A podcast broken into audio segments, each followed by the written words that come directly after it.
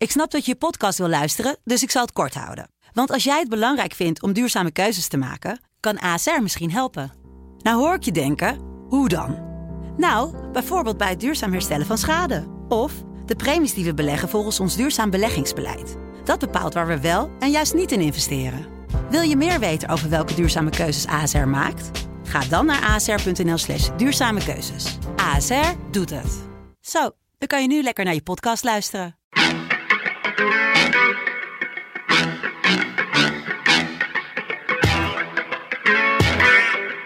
Dit is, dit is het land van Wierde. Een podcast van de Telegraaf met analyses op het nieuws die u elders niet hoort. Met Wierde en Robert Ophorst. Het is donderdag 12 augustus en we zijn er weer. Vier weken Yes. weg geweest uit de lucht, maar nu weer terug in de studio. Heb je je lieve luisteraars een beetje gemist, Wiert? En zij hebben mij ook gemist natuurlijk. Dus ehm, althans volgens een aantal eh, van hen.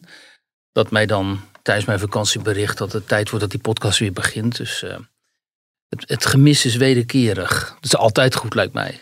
Zo is het. Maar heb je het een beetje... Eén, ik wil één leuke anekdote uit je vakantie. Nou, De dia-show eh, mag na afloop wel eh, privé, maar... Leuke anekdote. Eh, nou ja, de, de anekdote was natuurlijk dat we op vliegveld stonden. En dat, eh, dat Buitenlandse Zaken had gezegd dat wanneer je uit geel gebied terugkomt. Dat je dan eh, niet op dat moment althans eh, niks hoefde te overleggen aan eh, coronatests of zelfs corona-app.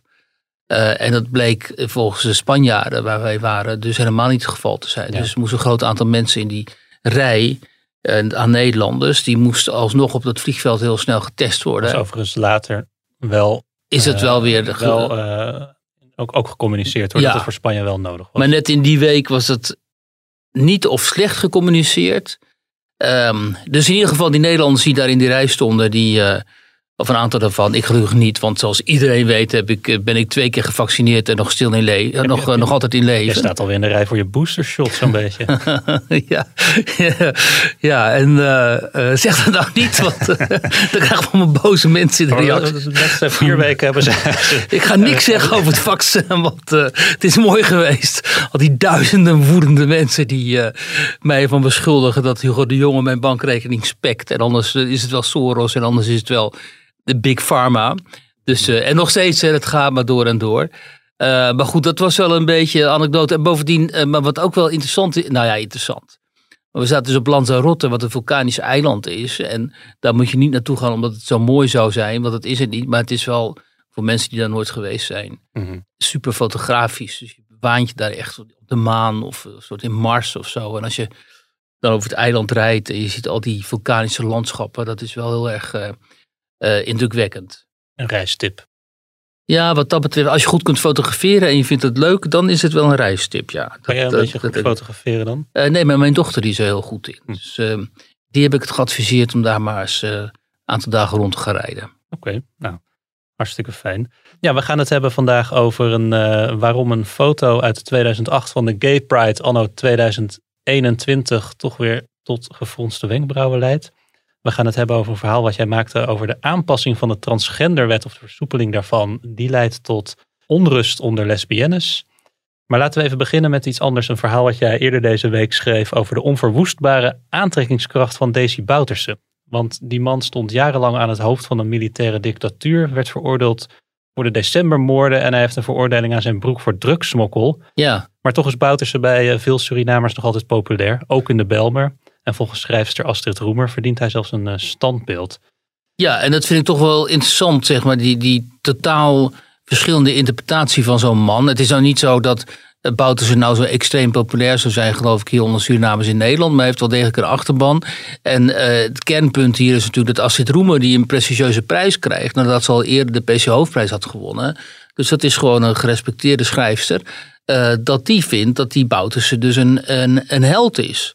En een standbeeld verdient. Omdat hij het zelfbewustzijn van Surinamers zou hebben, zozeer zou hebben bevorderd. En eh, ja, daar kun je van zeggen, ja, dat is gewoon bizar dat zij dat vindt en zo. Maar je kunt er ook op een andere manier naar kijken. Namelijk, ehm, zoals bijvoorbeeld heel veel Russen naar Poetin kijken. Of heel veel Amerikanen naar Trump. Hoewel Trump natuurlijk geen dictator was, maar die was gewoon democratisch gekozen. Maar goed, in de ogen van heel veel Nederlanders en andere linkse types was Trump toch wel een soort van dictator, geloof ik. Maar is dit dan de klassieke aantrekkingskracht van de sterke man?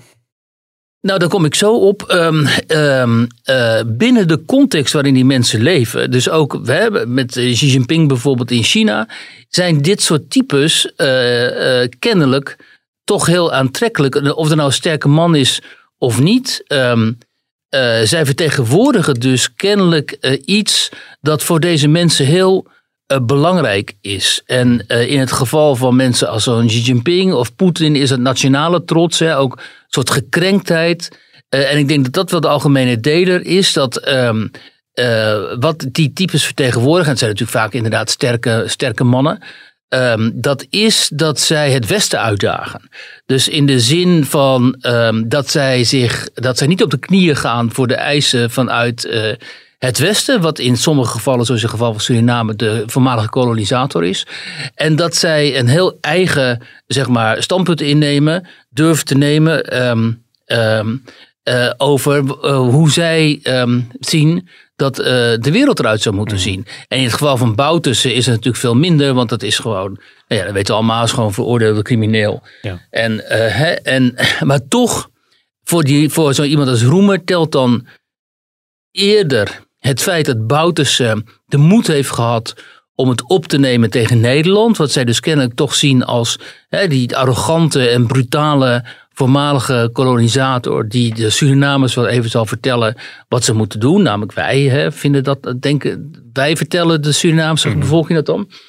En dan zijn ze dus bereid om al die andere eigenschappen, die negatieve eigenschappen en ook gewoon die, die, die negatieve en vaak hele eh afgrijzelijke feiten, om die gewoon eh, te, verdo- eh, te verdoezelen of aan de kant te schuiven. En in de analyse van dit soort eh, landen en dit soort culturen en dit soort leiders wordt dit, dit, dit type gedachte, dit type analyse wordt veel te vaak aan de kant geschoven. Dat zie je ook in onze benadering van hè, China en Rusland. Die, moeten, die landen moeten allemaal zo worden als wij. Er moeten allemaal zeg maar, democratische rechtsstaten worden. Want anders eh, gaan we ze boycotten. Hè, anders mogen ze niet meedoen. Terwijl in die landen iets als democratie of democratische rechtsstaat iets heel anders betekent of de prioriteit eh, is voor hun heel anders. Hè. Bij, aanvankelijk in de jaren negentig bij de Russen was prioriteit van overleven. Dus eh, eh, ik moet geld hebben, ik moet eh, eten kunnen kopen, ik moet veilig kunnen zijn. En daarna komt die democratie ook nog wel eens een keer. En voor Chinezen natuurlijk net zo. Die kwamen vanuit die culturele revolutie en vanuit die ellende van die, die ehm, massarepressie en zo. En opeens kregen ze wat meer vrijheid, ook economisch. En natuurlijk zullen ze dan niet zeggen, ja, maar weet je wel, eh, voordat we onze koelkast vol hebben, of voordat we überhaupt een auto voor de deur hebben of een tv in huis, willen we eigenlijk eerst democratie. En maar zo redeneren wij altijd wel in het Westen. Wij denken altijd dat democratie en de democratische rechtsstaat de eerste prioriteit is bij mensen overal ter wereld. Wat er natuurlijk niet is, want democratische rechtsstaat te hebben is ook een soort van, van luxe natuurlijk. Ehm, en dat maakt Astrid Roemer, en dat vind ik dan zo fascinerend, die maakt het dus even gewoon duidelijk, neemt het ook niet terug. Hè? Terwijl ze schaadt dus in alles haar eigen belangen ermee, want die prijs wordt nu ook niet uitgereikt. Ze krijgt het wel, maar dat is geen wel, uitreiking, dus weer typisch zo'n idiote polderbeslissing. Allerlei prominente eh, Surinamers die vallen natuurlijk, natuurlijk over haar heen. Dus ook heel makkelijk om over haar heen te vallen. ze ook een beetje raar op En daar reageert ze heel hysterisch Ja, op. zij, zij schreef ook, onze gemeenschap heeft Bouterse hard nodig gehad om zelf bewuster te worden. Ja, Ja, dat snap ik best dat dat dan in de afgelopen 40 jaar zo is geweest. Maar we zijn nu eh, vier decennia verder. Ja, maar hij speelt natuurlijk nog altijd een rol daar. En zijn partij is nog altijd de tweede partij van het land. Maar wat zegt dat En- dan over de Surinamers dat ze hem ook nu nog op die manier nodig hebben? Ja, dat ze zich dus eh, in hun politieke cultuur niet heel erg hebben ontwikkeld. En dat eh, als zij niet inzien dat een grote hindernis daarin die Bouterse zelf is geweest met de politieke cultuur, die grenzen aan crimine- criminele cultuur, die hij daar heeft eh, ingebracht, hè, tot en met moorden en zo, en verminkingen. Ja, dan ben je natuurlijk, dan is je morele kompas natuurlijk eh, staat niet goed afgesteld. Eh, maar kijk, moraal ehm, in dit soort kwesties, dat is altijd, dat is, dat is dan misschien wel heel belangrijk, maar in dit geval vind ik het toch een beetje een nevenfactor omdat het mij vooral, in, omdat ik vooral interessant vind dat, dat zo iemand als Roemer die overigens inderdaad best wel een beetje merkwaardig is trouwens, maar uh, zozeer hier aan, aan, dat, aan dat beeld durft vasthouden. En ik denk, en dat is eigenlijk wat nog wel heel belangrijk, kunnen we daarmee afsluiten. Ik denk dat dit vaker gaat gebeuren, omdat in die hele woke beweging die wij nu zien, hè, waarin groepen tegenover elkaar komen te staan. En waarin uh, eigenlijk een soort van apartheid uh, als uitkomst zal uh, plaatsvinden. Zullen mensen hun eigen leiders gaan kiezen vanuit de eigen gemeenschap. En dan zal het gebeuren dat bijvoorbeeld vanuit de zwarte gemeenschap leiders, rolmodellen gekozen zullen worden. Die misschien wel niet zo onberispelijk zijn. En van wie dan ook, net zoals in het geval van Bouters, hmm. de negatieve kanten zullen worden weggewist. Omdat het belangrijker is om je als groep te profileren. En uh, aan het hoofd van zo'n groep iemand te hebben die niet bang is en die de moed heeft om het op te nemen tegen die andere groepen. En misschien um, in principe ook wat je natuurlijk in die hele identiteitspolitiek hebt gezien onder Trump. Omdat Trump werd dus vanuit die zwarte, vanuit die witte gemeenschap, blanke gemeenschap, van mensen die zich identificeren als blanke Amerikanen die zich onderdrukt voelen door het liberale establishment en zo, werd Trump ervoor geschoven. En van hem werden immers ook al zijn wandaden gewoon um, niet, niet, alleen niet, niet eens ontkend, maar die werden hem vergeven omdat het belangrijker was dat Trump het voor deze mensen, voor hen, opnam. Mhm. En dat zul je waarschijnlijk uh, vaker gaan zien als die uh, polarisering zo blijft toenemen zoals het uh, nu gaat. Dus ik denk dat je Roemers positie en standpunt dus moet zien ook in dat hele identiteitspolitieke, uh, in die identiteitspolitieke ontwikkeling. En dat is, vind ik heel interessant, omdat je dan eigenlijk een soort hele andere morele context gaat krijgen ook. Ik hoop dat die nog te begrijpen is, maar ik, ik denk het wel eigenlijk. De transgenderwet, die wordt aangepast. Het wordt makkelijker gemaakt voor mensen om uh, hun geslachtsregistratie te wijzigen. Voorheen moest je dan uh, ook ja, een, een, medisch dossier overleggen van een psychiater of psycholoog, geloof ik. Nu is het uh, uh, alleen voldoende om. Ja, er moest een arts of psycholoog vaststellen ja. dat er sprake is van een duurzame overtuiging om tot het andere geslacht te behoren. Ja, dus nou, van een gender. precies, dat, dat hoeft niet meer, want volgens ja. zorgverleners is dat vaak helemaal niet vast te stellen. En belangenorganisaties vinden dat ook een inbreuk op het zelfbeschikkingsrecht van individuen. Ja. Uh, dus dat hoeft binnenkort niet meer. Verder vervalt de leeftijdsgrens, zodat ook kinderen jonger dan 16 jaar hun geslachtsregistratie kunnen wijzigen. Dus in principe kan iedereen uh, bij wijze van spreken een mailtje sturen. Ik, ik, maak het nu iets eenvoudiger dan het is en zeg ik was man, maar ik wil voortaan als vrouw aangemerkt worden en vice versa. Jij schreef daar een verhaal over in jou in Nederland deze week, want er zijn ook mensen die daar helemaal niet blij mee zijn.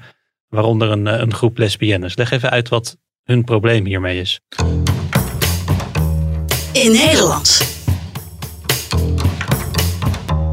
Nou ja, kijk, die lesbiennes die, die uh, in dit geval um, uh, werpen zich op als voorvechters en zeg maar handhavers eigenlijk van de uh, vrouwenrechten. Vergeet niet, vrouwen hebben nog niet eens zo lang gewoon gelijke rechten als mannen. en daar is hard voor gevochten, vooral ook in de jaren 60, 70. En zij vinden dat deze wijziging in die transgenderwet dus een aanval is op die vrouwenrechten. Waarom? Omdat zij zeggen, ja, hoor eens, als zometeen elke, iedere man die dat wenst zich kan identificeren als vrouw en zich kan laten inschrijven overal als vrouw, dan krijgt hij ook toegang tot onze ruimtes. Dus tot vrouwencafés, uh, vrouwensport, dat zie je al gebeuren. Uh, ze komen dan ook in vrouwengevangenissen terecht, wat heel intimiderend kan zijn voor, voor vrouwen. Maar het gaat zelfs zover dat bijvoorbeeld in Tasmanië, waar uh, lesbische vrouwen een uh, evenement wilden organiseren dat alleen toegankelijk was voor hen, voor lesbische vrouwen. Ehm, en waar ze dus transgender mannen, dus trans mannen, nee, trans, trans vrouwen, dus mannen die zich identificeren als vrouw, dat ze die wilden, wilden weren, dat dat verboden werd. Dus ze moesten deze ehm, mannen die zich voordoen als vrouw, accepteren, terwijl ze dat helemaal niet, niet, niet, niet willen. Dus er gaan steeds meer uh, groepen lesbiennes die gaan ondergronds om zich af te schermen van die mannen die zeggen dat ze vrouw zijn en dat ze lesbische vrouw zijn. Um, het, wat, wat, mensen zich moeten realiseren is dat we het hebben hier niet um, over transgenders die zich echt laten opereren. Hè. Je hebt natuurlijk van die heel veel mensen die zijn zo uh, genderdysfoor, zoals het heet, en die worstelen daar vaak een, een heel leven mee. Eh, dat ze zich uiteindelijk laten opereren en dan van geslacht veranderen. Maar we hebben hier dus gewoon over het activistische deel ervan. Ehm, eh, en dit zijn mensen die, eh, gewoon mannen, dus met mannelijke genitaliën, die een jurk aantrekken, lippenstift opdoen. En dan zeggen, ja, ik ben nu een vrouw en ik wil ook als zodanig worden behandeld. En ik wil ook die vrouwen rechten hebben. En ik wil worden aangesproken als vrouw. Dus het gaat veel verder dan de travestie. Vroeger was je dan travestiet. Maar deze mensen die het willen trouwens ook... vaak een soort persiflage op het vrouw zijn, maar dat... eh, Ja, dat en wat, ja, en wat die lesbiennes zeggen bijvoorbeeld, dat is heel interessant. Die zeggen, ja kijk eens, we hebben ervoor gevochten om, ook als ik hè, zo'n kittig kort kapsel heb, wat we allemaal kennen, eh, en ik, ik zie er wat stoerder uit, dat ik wel een, een vrouw ben. Namelijk een lesbische vrouw. Maar nu worden we weer in een nieuw hokje eh, ingedeeld. Want dan ben je in de ogen van deze mensen ben je al snel, zie je eruit als non-binair. Omdat in het hele transgenderisme, zoals die ideologie heet, eh, zijn vrouwen ehm, mensen in een jurk. Of met lippenstift of met lang haar. Terwijl die lesbische vrouwen zeggen: ja, maar hallo, we hadden juist zo voor die diversiteit van het vrouwelijke beeld Maar eh, juist ge- zo'n gevochten. groep- juist zo'n groep die zo zwaar bevochten positie heeft veroverd, zou misschien wat toleranter moeten of kunnen zijn. Jegens deze groep die nu voor zijn haar vrijheid vecht en plek in de Ja, samenleving. maar zij zeggen het is, eh, dat, dat is zo'n oneigenlijk standpunt, omdat wat deze groep eh, doet, dat is niet vechten voor eh, de eigen emancipatie. Dat is gewoon, wat je hier, waarmee je hier te maken hebt, zeggen zij, is eigenlijk de patriarchaat in een jurk. Dus het zijn mannen die, hun, die in hun, hè, door, ook door hun testosteron en zo, gewoon met allerlei middelen de mogelijkheid aangrijpen om onze vrouwelijke ruimtes binnen te dringen. En daar zit een heel wezenlijke ook onrechtvaardige element in. Bijvoorbeeld, de meest aansprekelijke dan is natuurlijk eh, de vrouwensport. Hè. Je hadden die controverse rond die Hubbard. Die, eh, die Laura Hubbard heet die geloof ik. Die gewichtshefster. Nieuw-Zeelandse. Nieuw-Zeeland. Die eh, meedeed aan de Olympische Die Spelen. trouwens geen, eh eh, geen potten brak. Nee, die, in dit geval is van No leuke uitdrukking. Nee. Nou ja, maar er was dus hele controversie, controver- controverse rond die vrouw. Omdat Mhm. die, eh, die, die Hubbard, wat ook een transgender is, de positie innam bij de Olympische Spelen van een vrouw. Ja. Daar komt het op neer. Dat is de principe. En dat, dat, dat ze dan geen potten brak.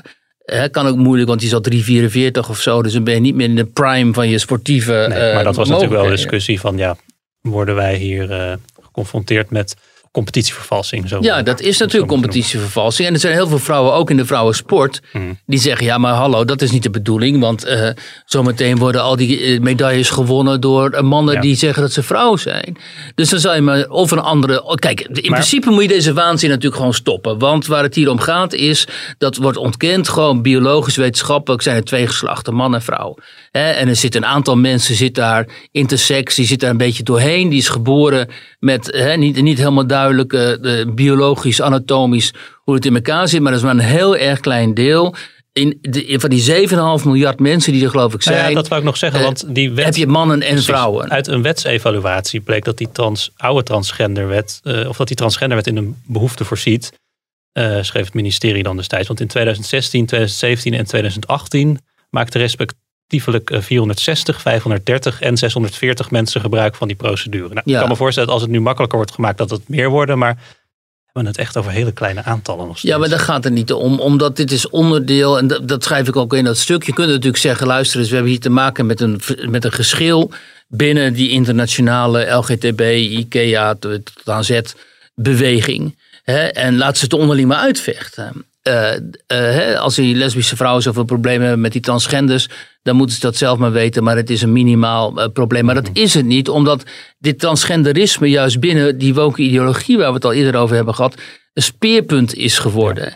En woke is erop uit, de woke is een revolutionaire ideologie, die is op uit om alles wat wij zeg maar aan ehm, eh, erkennen, ook in hiërarchische relaties, in biologische relaties, ehm, te ondermijnen.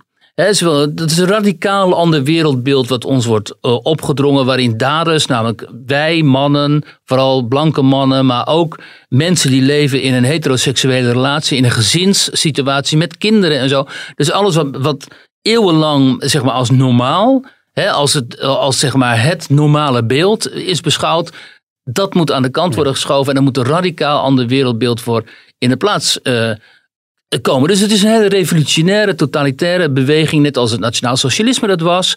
Hè, en of het of het communisme. Vergeet ook niet dat ook onder Pot, hè, de mensen begrijpen dat helemaal niet, maar het, het gezin, de familie, door de Khmer Rouge of de, de Rode Khmer, werd dat ook afgeschaft. Hè. Het is de, de nucleus van de samenleving, het gezin is altijd, dat moeten mensen goed begrijpen van dit soort revolutionaire bewegingen, is altijd uh, uh, een, een, een doel.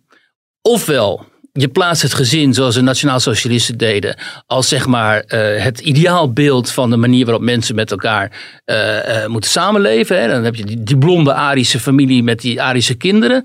Ofwel, je schaft het af. De, de, de Bolsjewieken aanvankelijk, die wilden ook het gezin afschaffen, omdat iedereen immers in dienst van de staat moet, moet bestaan. Je bestaat in dienst van de staat en daar horen geen gezinsverbanden bij. Omdat dat dan ondermijnend zou zijn zeg maar, voor je relatie met de staat. De, die Rode Khmer die nam dat over. En Woke doet in feite precies hetzelfde. Die tastte ook de kern van wat wij Althans, van wat, hè, van wat in principe wordt beschouwd als uh, uh, de kleinste gemeenschap, dat zijn die, uh, die relaties. En die tasten zij aan. En daar is dat, dat transgenderisme is daar zeg maar de avant-garde in. En, en dat weten die mensen ook heel goed. We hebben het hier ook niet over transgenders die inderdaad, wat ik eerder zei, hè, met, zich hebben laten opereren en normaal leven leiden. Iemand als Maxime Februari bijvoorbeeld, de, de auteur. Een hele bekende transgender. Die, leidt, die, die moet ook niks van dit activisme hebben. Je hebt het hier over politieke activisme die bewust dit aanjagen om mensen in de war te brengen, om kinderen ook op scholen. Hè, want maar als je dan de vergelijking trekt met Pol Pot en het nationaal socialisme en killing fields en gaskamers, is dat dan niet een beetje extreem voor iets wat ook volgens voorstanders gewoon een emancipatiestrijd is? Uh, nou, het communisme wordt. Uh, hey, ik, zag, ik laatst een, uh, een meisje van GroenLinks dat vond dat er te weinig communisme in de wereld is. Hè. Die begon over van. Ja, klopt, ja. ja. die Sabine nog wat.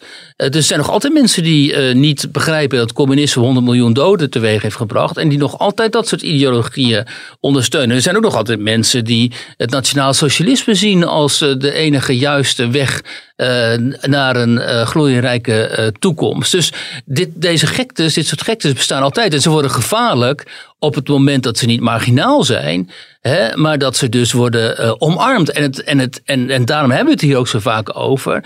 Uh, het, het enge, het gevaar, nou ja, eng is niet zo goed woord, maar het gevaarlijke is dat dat woke wordt omarmd door uh, politieke partijen, media, uh, instituties, vooral de academie, dus universiteiten, onderwijsinstellingen, die staan allemaal vooraan om tegen die mensen te zeggen: joh, kom bij ons en dan nemen jullie ideologie over. Want wij vinden jullie zo krankzinnig progressief en wij willen graag zelf ook heel progressief overkomen. Dus jullie progressiviteit die straalt dan af op ons en we maken hier een hele gelukkige wereld. En, en het, het goede voorbeeld aan deze wetswijziging is dat die dus in de Kamer gewoon een meerderheid heeft. Dus dat er uh, partijen zijn als uh, het CDA, de VVD partijen die zich hier virulent tegen zouden moeten verzetten. Omdat dit in alles obscuur is. Dit is mhm. puur obscurantisme. Dit, als jij gaat zeggen, er bestaat niet iets als twee geslachten, maar er bestaan genders. En misschien zijn er wel 400 nog wat genders. Dus als je je, je biologische uh, geslacht, zeg maar, baseert op een gevoel.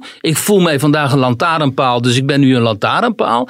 Dat is puur middeleeuws obscurantisme. En dan kun je net zo goed zeggen, dan, dan zie ik zo meteen eh, Mark Rutte of uh, uh, Sigrid Kaag zeggen, ja, maar de jongens, de wereld is niet rond, die is plat. Dat is hetzelfde niveau. Dit is, dit is, is dat niveau van, analyseren, van denken en analyseren. En hoe kan het in vredesnaam zijn dat uh, mensen die toch vaak hoog opgeleid zijn, want die zitten namelijk in de Tweede Kamer, dit soort onzin accepteren. En niet alleen accepteren, maar ook kennelijk propageren. En dat er, naar ik mee, maar twee partijen, SGP en uh, Forum voor Democratie, uh, maar goed, dat, dat, moet ik uitzoeken wat het precies zijn, hier tegen zijn. Ik, ik vind sowieso die extreme aandacht en obsessie voor en met hoe mensen zich voelen en hoe ze zich identificeren zo overdreven. Ik bedoel, dat zeg ik niet uit een soort.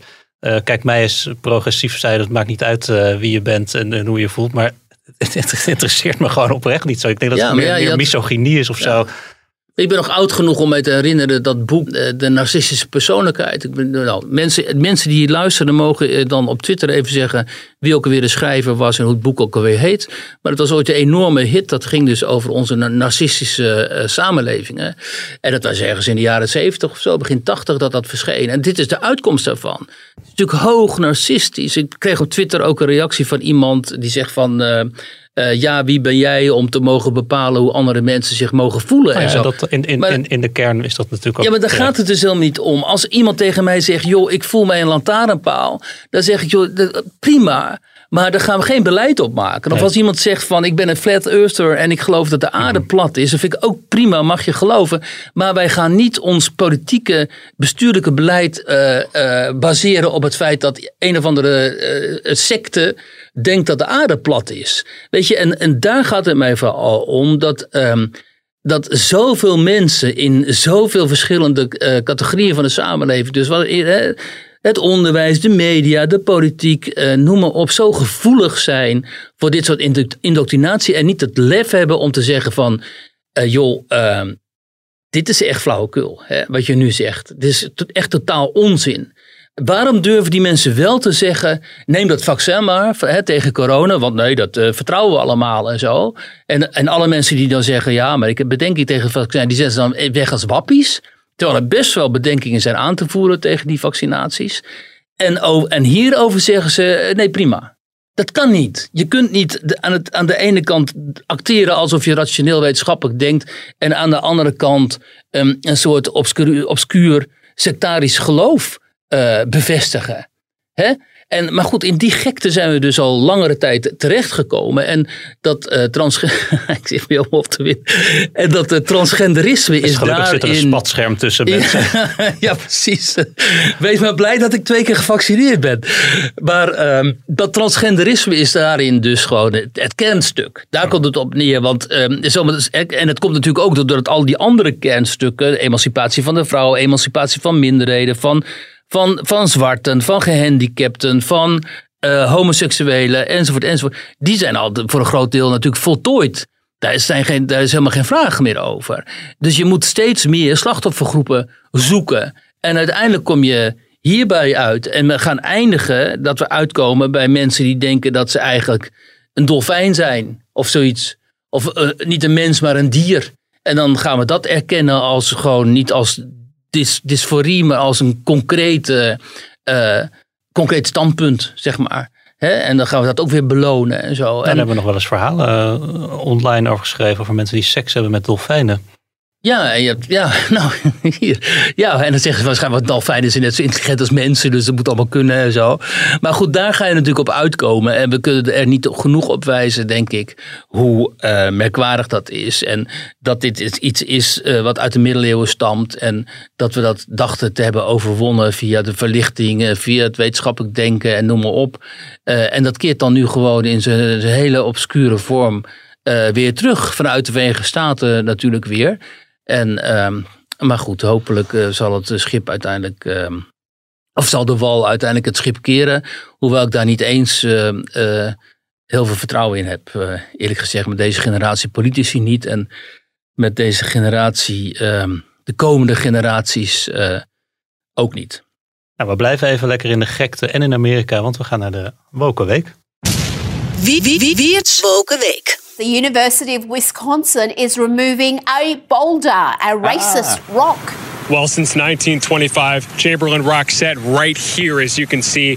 The university today removed it from its spot as they're trying to bring this community back together. This is a symbol of change. This is a symbol of a, a start to a new beginning. Ja, de steen die alles zag en niet ingreep. Nou, als je het hebt over steen dus aanstoot, dan heb je het over deze steen. Maar ik begrijp inderdaad dat onze mineralen nu ook al uh, erfzonde bij zich dragen. Leg jij het uit of uh, moet ik het uitleggen? Nou, jij graag. Kun jij het eens uitleggen? Wat zo moe van jij al hebt het uitgezocht. ja, deze steen dus. Dit is dus een steen die al heel erg lang op dit uh, terrein ligt. Van een universiteit? Ja, een onderwijsinstelling? Ja, inmiddels dus uh, hè, onderwijsinstelling. Grote rock. En daarvan is, die is ooit, um, naar, naar die steen is ooit verwezen. Hè, in en dat, lokale moet je, moet je heel, heel, erg uitkijken wat je nu gaat zeggen. Ja, want ik mag het N-woord niet gebruiken. Dus in een lokale, geloof ik, of regionale publicatie is ooit naar die steen verwezen met het N-woord. Ja. Maar is hij dan ook zo algemeen bekend komen te staan? Nou, niet eens schijnt dat. Althans, wat ik begrepen heb, eh, niet eens. Alleen er is dus op die universiteit natuurlijk weer, zoals op al die universiteiten, een vrij extremistisch, eh, activistisch groepje van in dit geval zwarte studenten. Die heeft gemeend dat die steen er dus schuldig aan is. Hoewel een steen volgens mij nergens schuldig aan kan zijn. Maar dat die steen, eh, of dat rotsblok eigenlijk, er schuldig aan is dat er ooit met een racial slur, dus Ja. met, een, met het N-woord naar waarom was verwezen dat is. eigenlijk? Dat die steen zo werd genoemd destijds in die krant.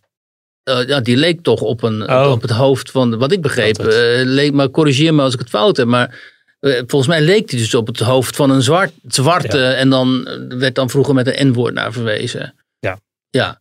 Dan En- kan ik me wel voorstellen dat als je daar dan langs loopt, dat je denkt van dat het onprettige associaties oproept als je weet dat die steen ooit zo.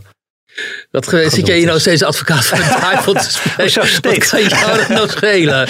Je loopt langs een steen en wat je ziet is een steen. En als je daar dan het hoofd van, van wat er ook in ziet of op projecteert, eh, dan, ja, dan, dan is dat een persoonlijke eh, eh, kwestie. Maar ehm, eh, wat dit natuurlijk weer illustreert is hoe enorm overgevoelig hele generatie jongeren, ehm eh, snowflakes noemen we die dan, hè, sneeuwvlokjes, kennelijk geworden is omdat ze telkens maar beschermd worden tegen alles wat eh, hen niet bevalt. Hè, door safe spaces of door mensen gewoon eh, te censureren. Of ervoor te zorgen dat ze niet in contact komen met meningen die afwijken van eh, die hyperpolitiek correcte meningen die zij zelf hebben. Dat dus eh, deze jongeren niet meer in staat zijn om dan gewoon langs zo'n steen te lopen zonder kennelijk in, hu- in huilen uit te barsten. Omdat ze zich zo gekwetst en gekrenkt voelen. En nu is dat rotsblok dus echt ook verwijderd. En dat is natuurlijk gewoon echt woker ermee? dan dit. Wordt dat, wordt hij wordt elders vernietigd? neergezet. Oh ja. Nee, hij wordt elders Dan neergezet. worden andere mensen opgezadeld Ja. met deze racistische steen. ja, we kennelijk dus niet eh, studenten van eh, meer van die universiteit. Maar eh, kijk, als je hier weer een, beetje afstand van neemt, dan zijn we dus aangekomen in een tijd waarin in het Westen op ehm, eh, onderwijsinstelling een steen vanwege racistische con- connotaties wordt verwijderd. Ja, ehm, dat vind ik zo decadent dat als ik zoiets lees of hoor, dat ik dan eh, echt wel begin te vrezen voor het overleven van de westerse samenlevingen. Omdat generaties die zo snel gekwetst zijn geraakt en, en zo snel eh, zich, van de, van, hè, zich laten ontregelen, ja, daarvan kun je toch niet verwachten dat zij ooit eh, on- onze normen en waarden tegen veel machtiger, of in ieder geval veel meedogenlozer tegenstanders, zoals misschien uit China of elders, eh, zullen kunnen eh, verdedigen. Ik, ik, ik weet dat ik niet, eh, met het gevaar dat ik weer advocaat van de Ja. duivel ga spelen, maar er zijn dan ook mensen die zeggen dan van dit zijn juist hele mondige studenten die opkomen voor hun ja, eigen ideeën en hun veronderstelde rechten. Dus die niet leidzaam toezien, maar juist in de, op de barricade gaan. En ja, maar waar ze echt voor op de barricade zou moeten staan, als gaan is sociaal-economische ongelijkheid. Eh, armoede onder slecht eh, minderheden, slechte onderwijs, vooral ook al die docenten die hen voeden met dit soort ongein. En eh, vooral ook tegen woke. Hè? En moeten zeggen, joh, ik, ik studeer hier, dus ik heb als vertegenwoordiger uit een minderheidsgroep de kans om hier te studeren en mijn intellect en mijn kennis, de hier opgedane kennis, die ga ik in dienst stellen van de belangen van die minderheidsgroep. En dat zijn altijd sociaal-economische belangen in de eerste zin. En vervolgens ook wel culturele belangen. En ik ga ervoor zorgen dat ik mijn eh, groep eh, ga verheffen. Net zoals dat ik mijzelf heb kunnen eh, verheffen via educatie. En via discipline. En via, eh, noem, al die, hè, noem het allemaal maar op. In plaats van dat ik me druk ga maken om een of andere steen die hier ligt. En daar mijn energie aan ga verspillen. Lijkt mij. een foto van de Gay Pride uit 2008. Eh, die werd onlangs verkozen eh, of eh, uit 50.000 eh, inzendingen. Nee, dat zeg ik verkeerd. 13.000 inzendingen. Ja, samen met twee andere foto's bekroond in, in een wedstrijd 25 jaar Gay Pride. Deze foto won de prijs in de categorie meest esthetische foto.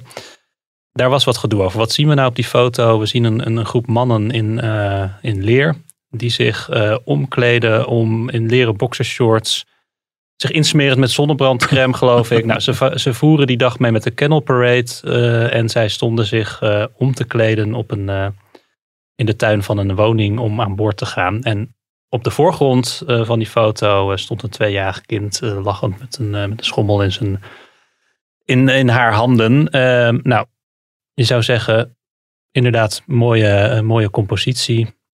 Prima, prijs gewonnen. Maar toen kwam er toch wat, eh, wat, wat, wat eh, backlash op, eh, op sociale media onder andere. De fractievertegenwoordiger van de ChristenUnie in Amsterdam, die, die twitterde, ik mag hopen dat het nooit vanzelfsprekend wordt dat we met kinderen tussen een groep halfnaakte mannen, dat we kinderen tussen een groep halfnaakte mannen in leer zetten. De stichting De Roze Leeuw, dat is een, geloof een, een wat conservatieve vereniging van, eh, van, Van homoseksuelen, ja. Die zei van ja, aangezien er een verkeerd beeld van ons wordt neergezet in de media en wij niet slechts eh, willen roepen vanaf de zijlijn, starten wij een alternatieve campagne. We zijn op zoek naar een professionele fotograaf. Eh, en tussen aanhalingstekens normale holebi's die zichzelf willen laten zien. Mhm. Vatten we daarmee dan de twee uitersten in deze, of de twee kampen in deze discussies goed samen? Ja, en wat ik interessant vind is dat dat standpunt dat dus wordt ingenomen door die jury onder leiding van Cornald Maas, dat dit zo'n fantastische foto zou zijn hè, en zo emanciperend en zo, dat dat dus vanuit de eigen groep, de gemeenschap, uit de eigen homoseksuele gemeenschap, steeds meer weerstand, bij die mensen steeds meer weerstand oproept en tegenspraak eh, krijgt. Wat ik eh, heel goed vind en heel terecht. Want wat we hier zien zijn niet gewoon een aantal mannen in, ehm, in eh, leren broeken. Maar dit, dat, deze mannen, eh, dit zijn leerlichten die een fetish hebben. En dat vind ik allemaal prima en zo. Maar dit is dus een hele geseksualiseerde ruimte eigenlijk die, die je daar ziet. En er staat dan zo'n zo'n kind bij. En ehm, heel lang is het zo geweest dat dan in de progressie, uit de progressieve hoek eh, dit soort scènes en dit soort foto's dan werd gezien, werden gezien als een soort ultiem bewijs van emancipatie en progressiviteit. En iedereen die er hier dan kritiek op heeft, dat is gewoon een conservatieve sukkel uit de Bijbelbelt. En die moet verder zijn mond houden, want die, die hindert alleen maar de emancipatie van deze groepen. Maar er zijn steeds meer homoseksuelen die ook conservatief zijn in hun normen en waarden. En die zeggen: Ik wil niet telkens een beeld zien van homo's die hun, eh, hun kinky eh, fetish eh, staan uit te leven in de openbare ruimte en daarmee geassocieerd worden. En dat vind ik dus heel goed, want deze conservatieve homo's die hielden natuurlijk vaak hun mond omdat ze bang waren voor dat enorme, hè, voor die enorme tirannie, zeg maar, vanuit die linkse kerk, hè, dat ze niet conservatief mogen zijn. Maar ja, zo langzamerhand is die linkse kerk natuurlijk to- totaal vergruizeld en die stelt niks meer voor, ook politiek heel weinig. Ehm, waardoor deze mensen, eh, toch steeds, die conservatieve mensen, steeds vaker van zich durven te laten horen. Eindelijk zeg maar durven te zeggen wat ze altijd al dachten, maar vaak niet uh, uit te spreken. En dan zie je dus eh, heel veel reacties van mensen zeggen: Ja, maar weet je, ik vind dit gewoon ziek. En waarom, wat, doet dat kind daar? En waarom zou je een kind plaatsen in zo'n hoog geseksualiseerde ruimte? Ehm, en, en wat is er überhaupt, zeg maar, ethisch juist aan, of wat is hier esthetisch aan dat dat eh, kind daar staat? En daar ben ik het natuurlijk eh, als cultureel conservatief ook eh, zeer mee eens. Want ik vind dat mensen in het privé vooral moeten doen wat ze willen. En als ze met toestemming van anderen hun fetish willen uitleven, dan vind ik het allemaal prima. Maar niet in de openbare ruimte graag. Dat is gewoon een kwestie van fatsoen. Ehm, en ook niet met kinderen van, van wie je helemaal niet weet hoe die oh, zo'n zo'n kind over een jaar of tien, als hij al volwassen is, eh daar tegenaan eh, kijkt. Maar, dus nou heeft doet die die- kinderen ook nog wel Ja, iets aan. Nou heeft die moeder van dat meisje inmiddels ook gereageerd. Dat is, zij zegt wij nodigen dan die mannen daaruit. Wij wonen, zij woonden dan destijds aan de Zoutkeetsgracht. Ja, En die mannen die kwamen daar, die konden zich daar omkleden in die tuin. En die stapten daar aan boord van die boot. En Ja. toevallig liep dat, Jetske heet ze, dat destijds tweejarige dochtertje, liep, eh, liep even door ja dan gaat, vind die ouders die zijn dan heel blij met hun eigen progressiviteit. Dus wat, we- hè, wat we noemen dus deugdpronken, die gaan er ook zeggen, kijk ons is ontzettend eh, deugen, want eh, wij laten ons kind gewoon op die foto en het Maar je denkt toch niet dat, echt zo. dat die Jetske nu getraumatiseerd is omdat daar, wat is het, hoeveel jaar geleden, 13 jaar geleden, een, een paar mannen zich aan het omkleden waren? Nee, dat denk ik ook niet. Maar ik denk wel dat als je dit normaliseert. En je, brengt steeds, eh, en, je en je gaat steeds een stap verder. En je brengt steeds vaker kinderen in dit soort omgevingen. Of je raakt, laat kinderen steeds meer in aanraking komen met dit soort eh, eh, vrij vergaande manier van tegen seksualiteit aankijken. ehm, dat je dat risico dan wel begint te, te lopen. En los daarvan, hè, die foto werd dus als meest esthetische foto gepresenteerd. Eh, en ik zie helemaal niet wat hier nou precies de esthetiek van in is. Ik zie een politieke foto. Dit is natuurlijk gewoon een politieke, eh, politieke uitspraak, die foto. Dat is natuurlijk elke En- fotowedstrijd. Eh, helaas wel. Dat is vaak door. Hè, dat, tot, dat komt, maar goed, dat komt ook omdat de, de cultuur. Laat me nog even gang gaan. Dat komt doordat de cultuurmarxisten hun gang door de instituties hebben ge- gemaakt, waardoor alles politiek is geworden. En ook cul- cultuurpolitiek. En elke film en elke foto en elk eh, beeld en elke schilderij. eh, in de ogen van deze mensen een politieke uitdrukking, eh, aan iets politieks uitdrukking moet geven, nou progressieve linkse politiek, waardoor je bijvoorbeeld helemaal niet meedoet als je eh, figuratief schildert, of als je niet een linkse film maakt, of als je niet dit soort foto's maakt. Stel je maakt dus, stel je maakt de foto's van een hele conservatieve eh, omgeving, waarmee je ook uitdrukt van ik, ik eh, heb een soort van respect en een soort van achting voor die conservatieve omgeving. Hè? Nou, dan win je natuurlijk nooit een prijs. Hè? Dat, vergeet het niet. Hè? Dat is ook de reden waarom mensen als Thierry Boudet eigen zuil willen oprichten. Want die willen, dat, die willen niet dit, die willen wat anders. Het is ook politiek, maar die willen andere politiek. Nou, ik zou zeggen, cultuur moet helemaal Ja. vrij zijn voor politiek. En een, een vrijruimte zijn. Maar dat is er natuurlijk al lang niet meer. Nou, er omdat- is natuurlijk elk jaar wel iets van gedoe over de gay pride. En dat is al vanaf het begin volgens mij een discussie van in hoeverre eh, voelen alle homo's zich eh, vertegenwoordigd door dat beeld van eh, halfnaakte mensen die op een boot staan te dansen. Ja, ik snap ook niet dat het beeld van homoseksualiteit, dat dat het beeld zou moeten zijn En dat, eh, van homoseksualiteit. En dat homoseksuelen dat beeld willen eh, uitdragen. Ik als heteroseksueel ga toch ook niet in de slip op een boot staan en zeg van, je kijk mij eens hetero niet- zijn. Ja, er is ook niet een foto mogelijk die de gehele homoseksualiteit in één foto vangt natuurlijk. Nee, maar het heeft natuurlijk iets heel betuttelends ook. Of iets heel, zeg maar, eh bevooroordeelds.